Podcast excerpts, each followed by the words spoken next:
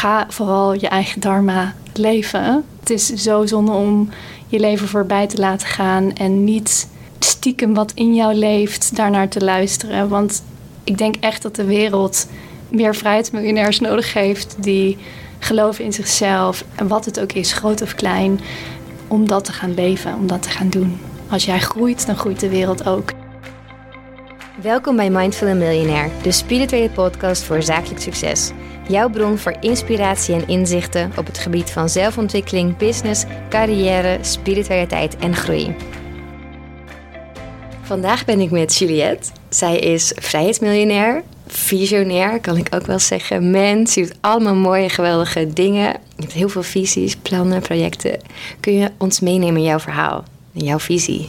Ja, zeker. Zo, nou, dat is nogal een, uh, een vraag. Laten we maar gewoon met het begin beginnen. ja, ja, dankjewel dat ik hier mag zijn. Heel leuk te ontmoeten. Heel leuk. Uh, dank ook voor deze mini-introductie. Ja, mijn naam is Julian Schouwers. Ik ben in 1987 op deze aarde gekomen, maar denk wel dat ik een oude ziel heb. Ja. Uh, omdat ik op een hele holistische manier naar de wereld kijk. Dat deed ik al als jong meisje. Ja. Dus ik bevroeg me allerlei dingen over waarom spoelen we ons drinkwater door de, door de wc en waarom eten we vlees en wat gebeurt er als je een gat door de aarde boort, blijf je dan in het midden hangen als je erin springt, al dat soort dingen bezig.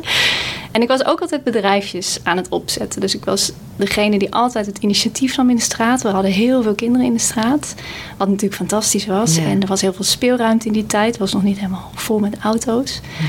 Dus alle ruimte die ik niet op school kreeg om te ondernemen, die benutte ik buiten schooltijd heel goed. En ja, ik denk dat ik wel tientallen kinderbedrijfjes heb gehad. Ach. Van een eigen bibliotheek tot schilderles. Op vakantie gaf ik zwemles. Er was altijd van alles. Wat Eh, mooi. Ja, dus ik heb mijn ouders en mijn zusje en broertje lekker bezig gehouden. en eh, nou ja, dat gevoel van ondernemen of de wereld willen veranderen en verbeteren... heb ik eigenlijk mijn hele leven bij me gedragen. Ja.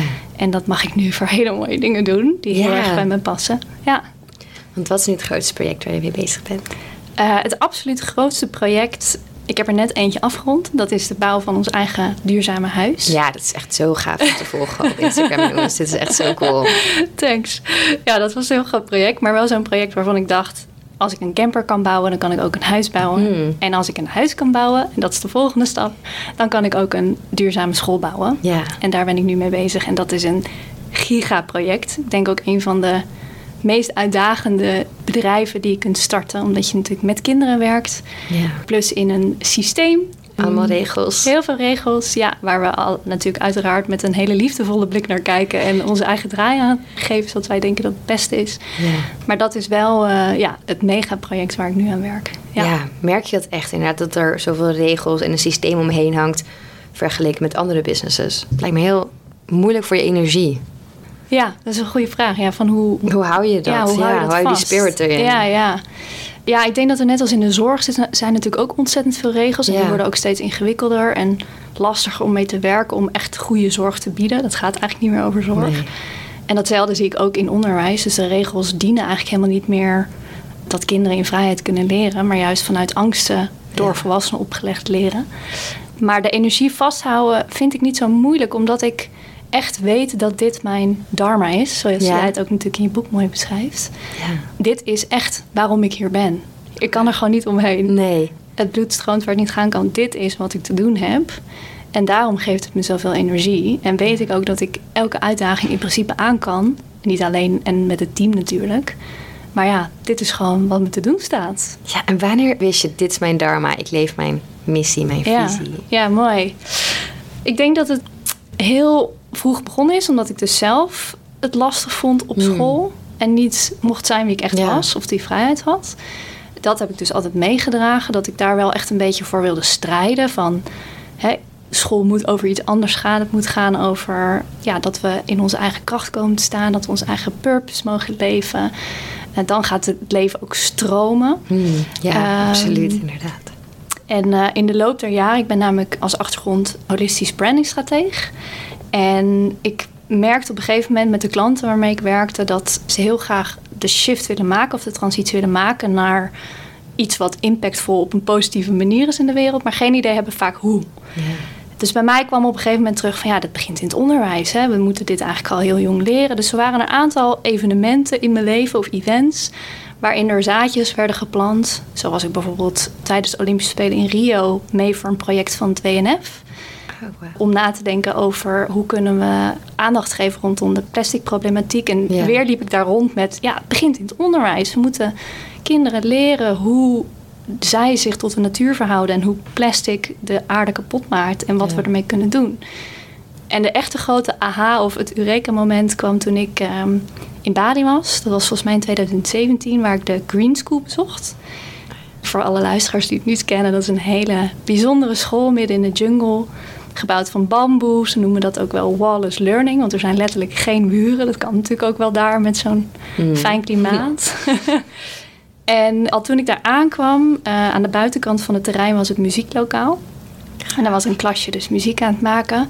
En ik ging helemaal aan. Ik voelde gewoon al mijn cellen begonnen te borrelen, Ja. zeg maar. Ja. En dat hele gevoel, dat werd alleen maar meer versterkt naarmate ik meer van het terrein zag, van school en van hoe de kinderen leerden en waar het hun om te doen is. En eh, ik heb gewoon daar een commitment met mezelf gemaakt. Chill, dit is waarom je op aarde bent.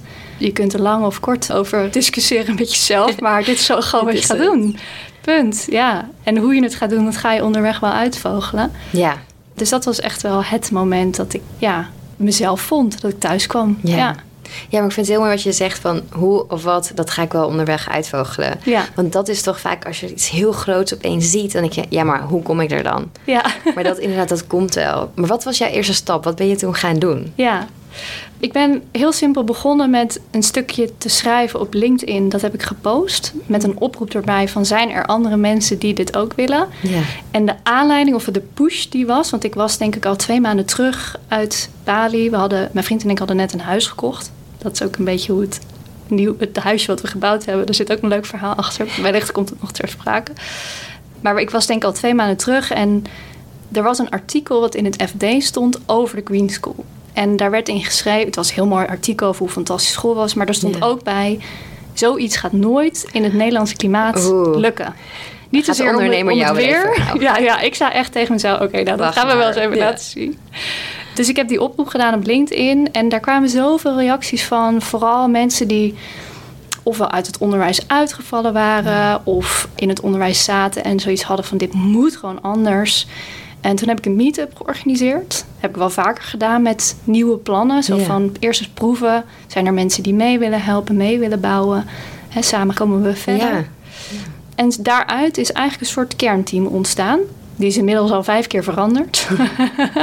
en nu voelt hij heel goed en heel gebalanceerd. Maar dat is eigenlijk het vertrekpunt geweest. Ja. Ja, Gewoon eigenlijk de gewoon beginnen. wereld in geslingerd. Ja. En kijken wie jou kan helpen, wie mee wil Ja. doen. Ja, en daar geloof ik ook wel heel erg in dat je het moet bestellen bij het universum. Hmm. Dus niet zozeer handjes bij elkaar vouwen en bidden dat het gaat lukken, maar echt gewoon het de wereld insturen. Want anders hebben mensen ook geen idee dat jij ermee bezig bent. Plus, misschien kom je wel mensen tegen die al verder zijn dan jij, waar Hmm. jij kan aanhaken. Dus deel ook vooral waar je mee bezig bent. Ja, daar ben ik wel steeds meer in gaan geloven. Ja. Vind ik ook mooi hoor. En je hoort dan wel vaak mensen van ja, maar dat durf ik niet. Want stel het lukt niet. Mhm. En dan gaan mensen iets van vinden. Maar ja, boeiend. Ja, Ik heb je ja. tien geweldige ideeën de wereld in geslingerd. En één gaat echt door. Dan is dat al winst. Ja, ja en van alle keren dat je op je bek gaat, Ja. eh, leer je zoveel meer, waardoor dat ene project uiteindelijk nog veel beter wordt. Ik heb ook wel eens dat zeggen mensen, ja, maar je probeert zoveel. Dan denk ik, ja, maar ik gooi het gewoon direct in het universum in. En ergens gaat het sprouten Ja. en groeien en wordt het een stevige boom uiteindelijk. Ja. Gaaf man. Ja, het is ook de eerste keer dat- we echt zo'n business hebben. Het is zo natuurlijk zo anders en zo Ja. visionair in die Ja. zin. Ja. Ja. ja, ik las van de week een hele mooie zin en die zijn we nu ook een beetje aan het adopteren. Het heet trouwens Now School, ons Ja. concept. Het is wel leuk om even te noemen Ja, voor degene ja, die het wil opzoeken. Dat education is the seed of change. Het is eigenlijk waar alles, hoe wij leven, begint. En als we dat fundamenteel anders kunnen doen, zullen we ook fundamenteel andere resultaten krijgen in ons leven. Ja. Dus die volgende generatie speelt daar eigenlijk een soort key role in. Zonder het hun op te moeten leggen, maar het te voeden en ja, het hunzelf te laten ontdekken. ja. Mooi, mooie quote inderdaad. Heb je zelf kinderen? Nee, nog niet. Nee? Ik wil dat wel graag ooit. Ja. En dan zat ik, zat ik ook al wel, waar stop je die dan op school? Ja, Oh my god, als je dat nu ziet. Vreselijk, ja. Ja. En ook als je dan inderdaad wat je zegt, ik herken zoveel van wat je zegt over vroeger, zowel het iedereen meenemen in al mijn verhalen, als inderdaad, kan ik een gat hier boren en het dan uit? Of wat gebeurt er dan? Loopt het dan leeg? Maar dat je echt dacht, achteraf basisschool, wauw, ik heb hier echt volgens mij niets geleerd. Het is echt gewoon heel zonde geweest van de tijd. En natuurlijk heb ik heel veel geleerd. En we hadden wel een hele vrijdag knutselen. Dus dat was dat wel wel geweldig. fijn. ja, het gewoon volgens mij geen docenten waren of zo. Maar wel dat je denkt, wauw, dit had zo mooi kunnen zijn. Ja, En Ja. nu pik je die lessen een beetje her en der op. Maar hoe mooi als er gewoon een programma ligt dat jou meeneemt. ja. Ja, wat ik heel vaak hoor is dat mensen eigenlijk pas gaan leren nadat ze van school af zijn. Ja, Omdat ze eerst vooral dingen moeten onthouden die van de leerkracht, of nog niet eens van de leerkracht. De leerkracht is ook een uitvoerder in het web, maar moet van hoger af. En pas echt gaan leren als ze dat los kunnen laten. En dat loslaten is dan volgens mij heel ingewikkeld. En lopen we tegen al onze eigen Ja. blokkades aan. En angsten die niet van ons zijn. ja. nee, nee, mooi. Maar oké, brutale vraag. Maar het heet Ja. natuurlijk wel Mindful Miljonair. Ja. ja. Je bent vrijheidsmiljonair, dus dat Mhm. moeten we zo even over hebben.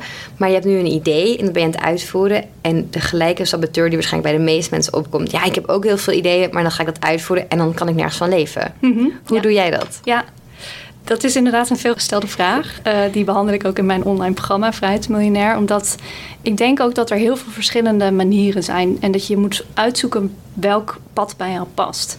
Dus er is niet een soort van quick fix. Zo van als je deze drie stappen volgt, dan kun je alles doen wat je wil in het leven. En ben je ook nog miljonair.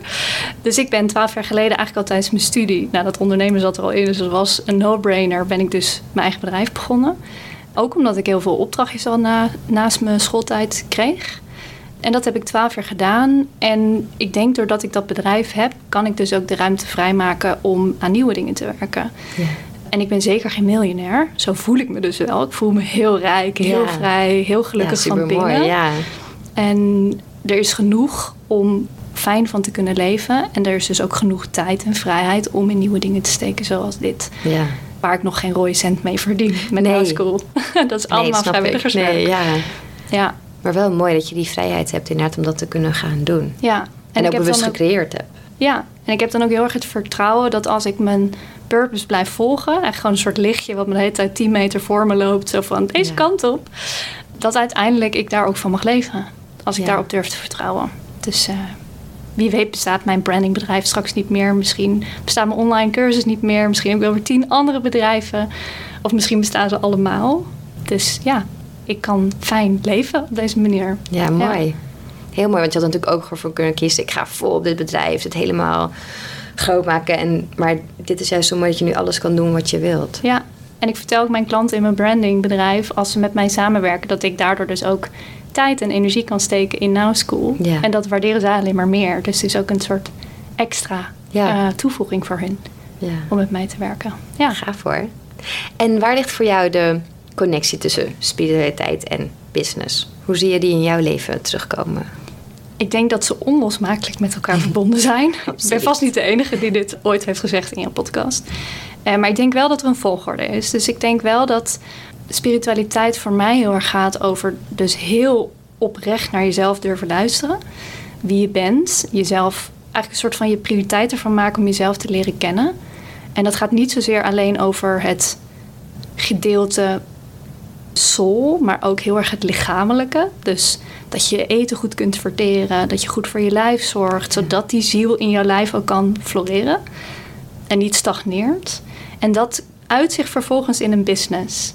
Dus als die twee, als de spiritualiteit goed is in jouw lijf, het fysieke, dan kun je dat ook tot uiting brengen op een manier zoals dat het zou moeten, dat bij jou past. En daar ben je uniek in. Ja. Dan gaat dat ook groeien op de juiste manier. Dus de business volgt voor mij heel duidelijk. Ik zie heel veel bedrijven natuurlijk ook vanuit mijn branding waar dat andersom gebeurt. Ja, Eerst de business en dan het spirituele. Of dan eigenlijk het bevragen waarom doen we dit eigenlijk. Dus Ja. een ziel geven aan je bedrijf. En dat is heel lastig om het andersom te doen. Dus ik denk dat de volgorde spiritualiteit eerst en business twee eh, de volgorde voor mij is. ja, dat het er echt automatisch uitvloeit. Juist, ja. Ja. ja. En dat is ook het ideaal inderdaad. Maar ik denk toch dat heel veel mensen... Misschien pas als alles een beetje goed gaat en dan heb je je business... en dan opeens denken, oh, en nu heb ik tijd voor mezelf. Ja, Of ja. dat je jezelf gaat bevragen. En dan denk je, en dat zijn misschien klanten die dan bij jou komen en denken... oh, nu wil ik ook iets meer mezelf, mijn ziel, mijn purpose erin. Ja. Hoe help jij ze dan om toch dat erin te fietsen? Of zeg je begin gewoon from scratch? Uh, nee, ik denk dat je heel erg mag eren wat er geweest is. Want daar heb je heel veel van geleerd. Van Ja. het falen en vallen en opstaan. Maar ook het creëren wat je hebt gedaan. Als je dat al hebt gedaan. Ik denk dat iedereen, elk mens creëert op een punt in zijn leven. Dus hoe ik ze help is door op een hele holistische wijze te kijken naar het leven. Dus heel erg vanuit de essentie. Wie ben jij? Waarom ben je hier? Wat geeft je energie? Hoe wil je die energie vorm gaan geven? Hoe wil je die voeden? En dat vervolgens manifesteren naar het fysieke. Dus het bedrijf, het product, de service. Dus heel erg van binnen naar buiten werken in plaats van van buiten naar binnen. Eigenlijk ook dus gebaseerd op de Golden Circle van Simon Sinek. Dat zijn natuurlijk allemaal dingen die mij ook inspireren. Ja. En zo heb ik dus bijvoorbeeld de Vrijheidsmiljonair Masterclass vormgegeven. Ja. Ehm, ja, waar dus ook grappig genoeg, nadat ik jouw boek had gelezen, heel veel dingen in zitten die jij ook beschrijft. Cool. Dus vanuit de Ayurveda, Ja. eh, je eigen lijf als een soort innerlijke tuin zien, waar je goed voor moet zorgen. Ja. En als je op die manier naar jezelf kan kijken en heel lief voor jezelf kan zijn, maar ook heel veel plezier van jezelf mag hebben, dus weer Ja. mag spelen en kind mag zijn, dan kun je ook echt met al die energie die je hebt, die buitenwereld vormgeven. Ja.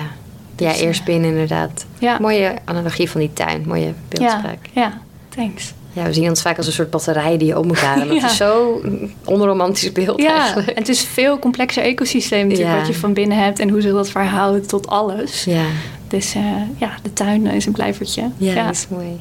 Wat doe je zelf allemaal voor spirituele dingen, rituelen? Ja, ehm, dat is een goede vraag. Ik, ja, ik ben denk ik nog heel erg van binnen ook een vierjarig kind... die heel veel verschillende dingen wil proeven en Heerlijk, proberen. ja. En dus mijn sp- spiritual practices zijn denk ik in heel veel dingen terug te vinden... maar ook heel, ben ook heel experimenteel daarmee. Dus het is niet dat ik een vaste set routine heb... die ik elke keer afspeel... Dus de ene keer kan dat bijvoorbeeld dansen zijn. Uh, nu ben ik mezelf bijvoorbeeld elke ochtend aan het high five in de spiegel. Naar aanleiding van een filmpje van Mel Gibson. Iets wat wel altijd terugkomt is draai heel veel muziek. Dat brengt me altijd in een soort ja, spirituele staat of zo. Ik zet altijd s'avonds een kaarsje aan, altijd de muziek aan. Ja, s'avonds land ik echt. In mijn huis nu natuurlijk ook. Dus dat is ook echt een hele geaarde plek. Ja. En dan neem ik, ja, ik neem eigenlijk altijd wel s morgens en s avonds momenten voor mezelf om helemaal te zijn. Wat dat ook is. Dus ik ga buiten lopen of in de natuur zijn. Dat is denk, ja, misschien in de natuur zijn, Heel aardend. ja, heel Ja. aardend. We wonen naast de, een van de schoonste zwemplassen van Nederland. Oh, wat heerlijk. Eh, en als je daarin springt, dan smelt je gewoon eigenlijk samen met de Ja. natuur. Dat zijn wel dingen waar ik spiritualiteit ervaar, denk Ja. ik. Ja. ja, ja. die verbinding inderdaad. Ja. want wat betekent spiritualiteit voor jou? Ja, ik denk dus heel erg en het lichamelijke. Dus dat ik kan poepen, dat ik kan slapen, dat ik energie voel in mijn lijf. Dat ik benen heb waarop ik kan staan en waarmee ik kan wandelen en dansen. En dat dat werkt. Dat vind Ja. ik al een hele spirituele ervaring. en Ehm, je daar ook bewust van zijn. En dat ja. het- ja. Ja, ja. ja. En ik denk ook het volwassen worden. Die reis zeg maar heel bewust ervaren. En van dingen die ik als kind heel fijn vond. Hoe die weer terugkomen in mijn leven. En voelen, ik ben op het juiste pad. Dat voelen echt als hele spirituele dingen. En dat ik het ook uit mag dragen. En dat andere mensen erop aangaan en aanhaken. Ja. Eigenlijk dat het, le- het leven floot. Dat voelt voor mij heel spiritu- als spiritualiteit. Mooi. Ja. Vertel nog heel even, dit blijft maar in mijn hoofd hangen, over die high five. Oh, ja, ja, ja. Ik zie dit helemaal voor me. Wat, wat, wat, Wat is het verhaal erachter? Ja. het verhaal erachter is dat in ons brein, in ons brein is ons hele leven neuroplastisch. Hè? Dat, dat weet je misschien, of het luisteraar weet het ook. Dus het is eigenlijk een soort kauwgom die je continu kunt vormen als je dat blijft vormen. Ja.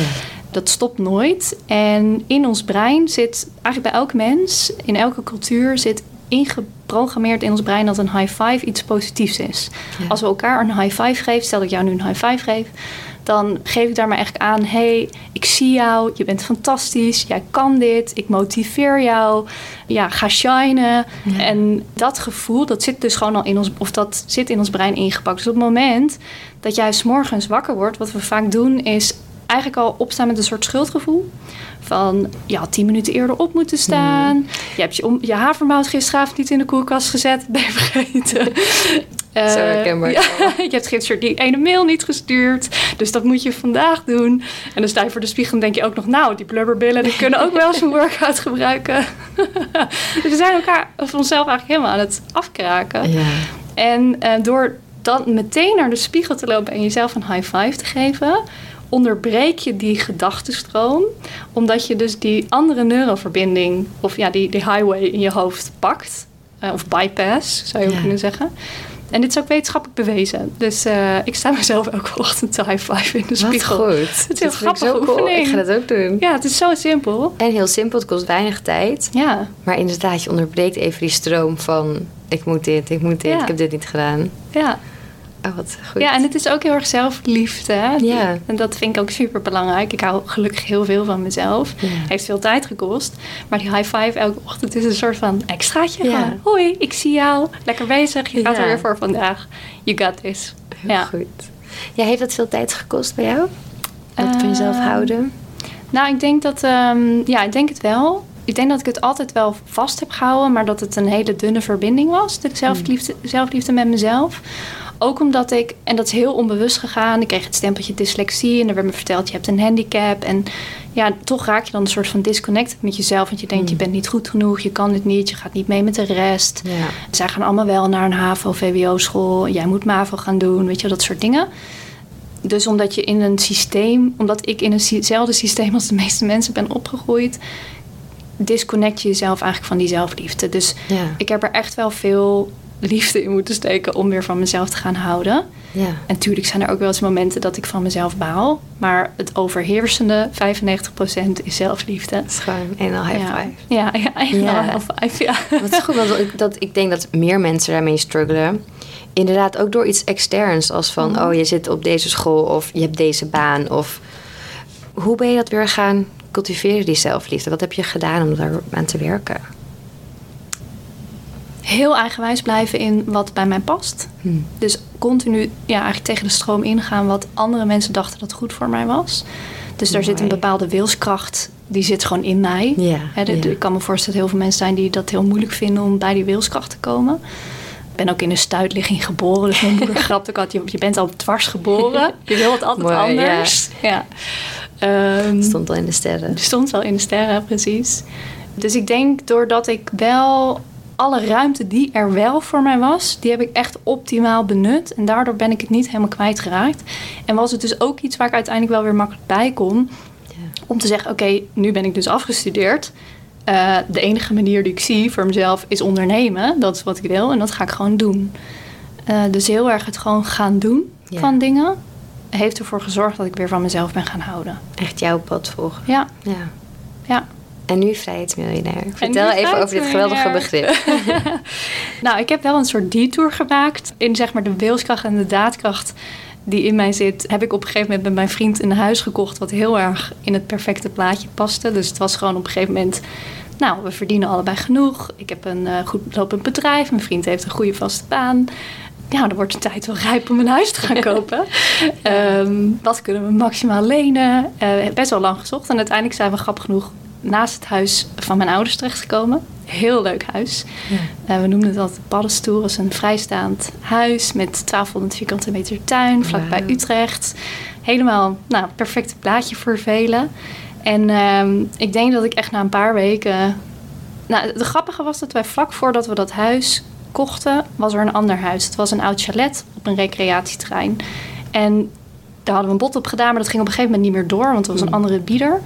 En toen hebben we dat andere huis gekocht. Dus we hadden eigenlijk een hele andere keuze in eerste instantie gemaakt. Maar het mocht niet zo zijn. Dus we kochten het grote, dure huis. En toen op een gegeven moment werden we gebeld van... goh, dat huisje is toch weer beschikbaar gekomen. Dat je net willen jullie dat nog kopen? Nee, ja, we hebben net een ander huis Ja. gekocht. Dus dat Met een gaat echt niet huis, worden. Ja, ja, ja.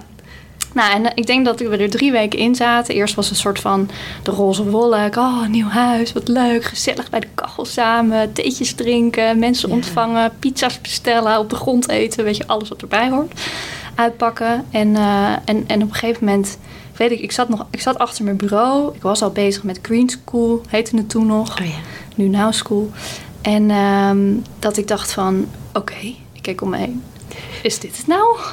Is dit nou waar we dan waarschijnlijk 30 jaar hypotheek voor gaan betalen met dit Mm. bedrag. Wil ik dat wel? Past dit bij mij? Het, Ja. De volgende stap was zeg maar aan kinderen beginnen, trouwen en aan kinderen beginnen. En ik, opeens benauwde het me. En niet zozeer vanuit een angst, maar omdat ik dacht... Potverdorie, ik heb gewoon een hele rare afslag genomen. Dit ben ik niet. dit is, ik leef gewoon in iemand anders een droomhuis. Maar dit Ja. is niet mijn droomhuis. Dus toen is er een heel interessant, een soort interne wereldreis gemaakt eh, met mezelf. Heb ik heel veel geleerd over allerlei onderwerpen van hypotheekvrij leven tot innerlijk geluk. En ik had heel erg het gevoel dat ik mijn geluk ontleende aan een mooi huis Ja. en de auto voor de deur en het goedlopende bedrijf. Maar dat voelde ik dus gewoon. Ik voelde gewoon geen hartslag meer daarvoor. Dus die interne reis was heel waardevol.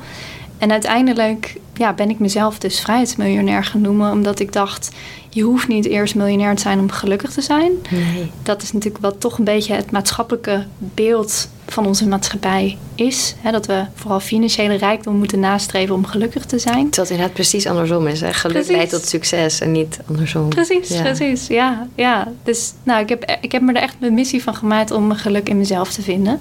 Mooi. En de vrijheid in mezelf en de rijkdom. En dat is gelukt. En toen werd de vrijheidsmiljonair geboren. Hebben we ons huis verkocht. Hebben we alsnog op datzelfde park een oud chalet gekocht. Cool. Die was helemaal kapot en uitgewoond. Dus die hebben we gesloopt. En vroeger tekende ik altijd al in Sims huizen. Oh ja, Dus ja geweldig. er zat gewoon ook een droom om zelf Ja. een huis te bouwen. Iets wat echt bij mij paste. Ook weer tegen de stroom in. En eh, dat hebben we nu gedaan. Daar wonen we nu. Heel gaaf. Ja, Met een buitendouche. met een buiten, nou, buitenbad. Maar de, Buiten- de ja. deur kan open, dus we hebben eigenlijk ook een soort Zo buitendouche. cool ziet het er helemaal uit. Ja. Ja. Heel mooi. Het is echt een feestje om in te wonen. Het is heel bijzonder. Ja. Als laatste wil ik jou een paar vragen stellen. En je mag heel snel antwoorden in één woord of één zin. Het eerste wat in je opkomt. Oké, bring it on. De beste les die je hebt geleerd. Doe het gewoon. Mooiste boek dat je hebt gelezen. Oeh. Oh jee, daar moet ik echt over nadenken. Jeetje. Nou, het laatste boek dat je hebt gelezen. Het laatste boek wat ik heb gelezen. eh, Eat, Feel Fresh. Van Sarah Rose heet het volgens mij. ja, Sarah Over Ayurveda. Ja, ik denk, ja, Ayurveda spreekt me gewoon al jaren aan. Dus alles met Ayurveda, alle boeken die ik heb gelezen, staan ook op mijn site als mensen het leuk vinden om te zien wat ik heb gelezen. Ja. Maar die heeft wel eh, weer hele fijne praktische tips over hoe je en je chakra's balanceert en al- alkaline eet en Ayurvedisch eh, plant-based. Ja, Ja. mooi. Ik heb hem ook gelezen. Inderdaad, heel tof. Quote waarbij je leeft. Op dit moment, education is the seed of change. Ja. heel mooi. Meest inspirerende persoon. Ehm, het zijn er heel veel, maar Prince Ia. Hmm. Ik weet niet of je hem kent. Nee. Hij is poëet, rapper, filmmaker. Hij maakt hele mooie filmpjes. Dus als mensen hem even op YouTube zoeken, je bent echt heel erg geïnspireerd Oh, als je ja. zijn filmpjes ziet. Ja, Wat mooi. Je lievelingseten. Ayurvedisch. Alles Ayurvedisch, ja. mooi. Wat is je dosha? Vata Pitta. Oh ja. Ja, Mooi. ja. Je wens voor vandaag. Ehm, nog even een dansje doen vanmiddag, denk ik. Ja, en lekker naar buiten gaan. En een liefdevol mens zijn in het algemeen. Ja. Waar ben je het meest dankbaar voor? Vandaag of? Ja. In general. In general. Dat ik leef. Hmm. Ja. Mooi. dat ik mag ademen. Dat ik, eh, mag, ja, dat ik gewoon mag zijn wie ik ben. Dank je. En als allerlaatste wil je nog iets met ons delen? Nou, ik vond het sowieso heel leuk. Alle vragen die prikkelen mij ook weer. Ja, ik denk dat voor iedereen die luistert en zich geïnspireerd voelt, ga vooral je eigen dharma leven. Uh, want het is zo zonde om je leven voorbij te laten gaan en niet stiekem wat in jou leeft daarnaar te luisteren. Want ik denk echt dat de wereld meer vrijheidsmiljonairs nodig heeft die geloven in zichzelf en voelen: ik ben hier, wat het ook is, groot of klein, om dat te gaan leven, om dat te gaan doen. Ja. En daar wordt een wereld alleen maar een mooier mens van. Als jij groeit, dan groeit de wereld ook. Daar geloof ik echt in. Ja. Dus uh, ja. Mooi. Als allerlaatste nog, sorry. Heb je nog een tip om je dharma te vinden? Ik spreek ook veel mensen die zeggen: Ja, mijn dharma, ik ben er nog niet uit. Wat zijn dan jouw tips of strategieën om daarachter te komen? In ieder geval er vertrouwen in hebben dat het er is. Hmm. En dat de tijd komt dat jij je dharma vindt. Dus wat ik mooi vind, ook aan wat Sarah Rose schrijft, is je zit eigenlijk op je, je wordt geboren op je Dharma Highway. Ja. En je kunt uh, allerlei afslagen nemen van koop dit huis, dit is een fantastisch huis. Of kom bij dit uh, kantoor werken, want dat is fantastisch. Terwijl als je het niet echt voelt, is het niet jouw dharma. Want het leven moet flowen. Dus blijf op die highway totdat je er bent. En of dat nou morgen is of over 20 jaar, je gaat het vinden. En durf daar ook gewoon heel erg in te falen. Dat als je per ongeluk wel die afslag neemt, zorg ervoor dat je terugkomt op je highway. Ja. Uh, want hij gaat er gewoon op een gegeven moment komen. Aan het einde van de snelweg ligt hij er. Ja. ja. Dankjewel. Jij bedankt. Je luisterde naar Mindful Millionaire, de podcast. Ik hoop dat deze episode je nieuwe inzichten, inspiratie en ideeën heeft gegeven. Mocht dat zo zijn, dan ben ik je super dankbaar als je deze podcast deelt, volgt, reviewt of me een shout-out geeft op Instagram via Steffi Roos. Dankjewel en tot snel.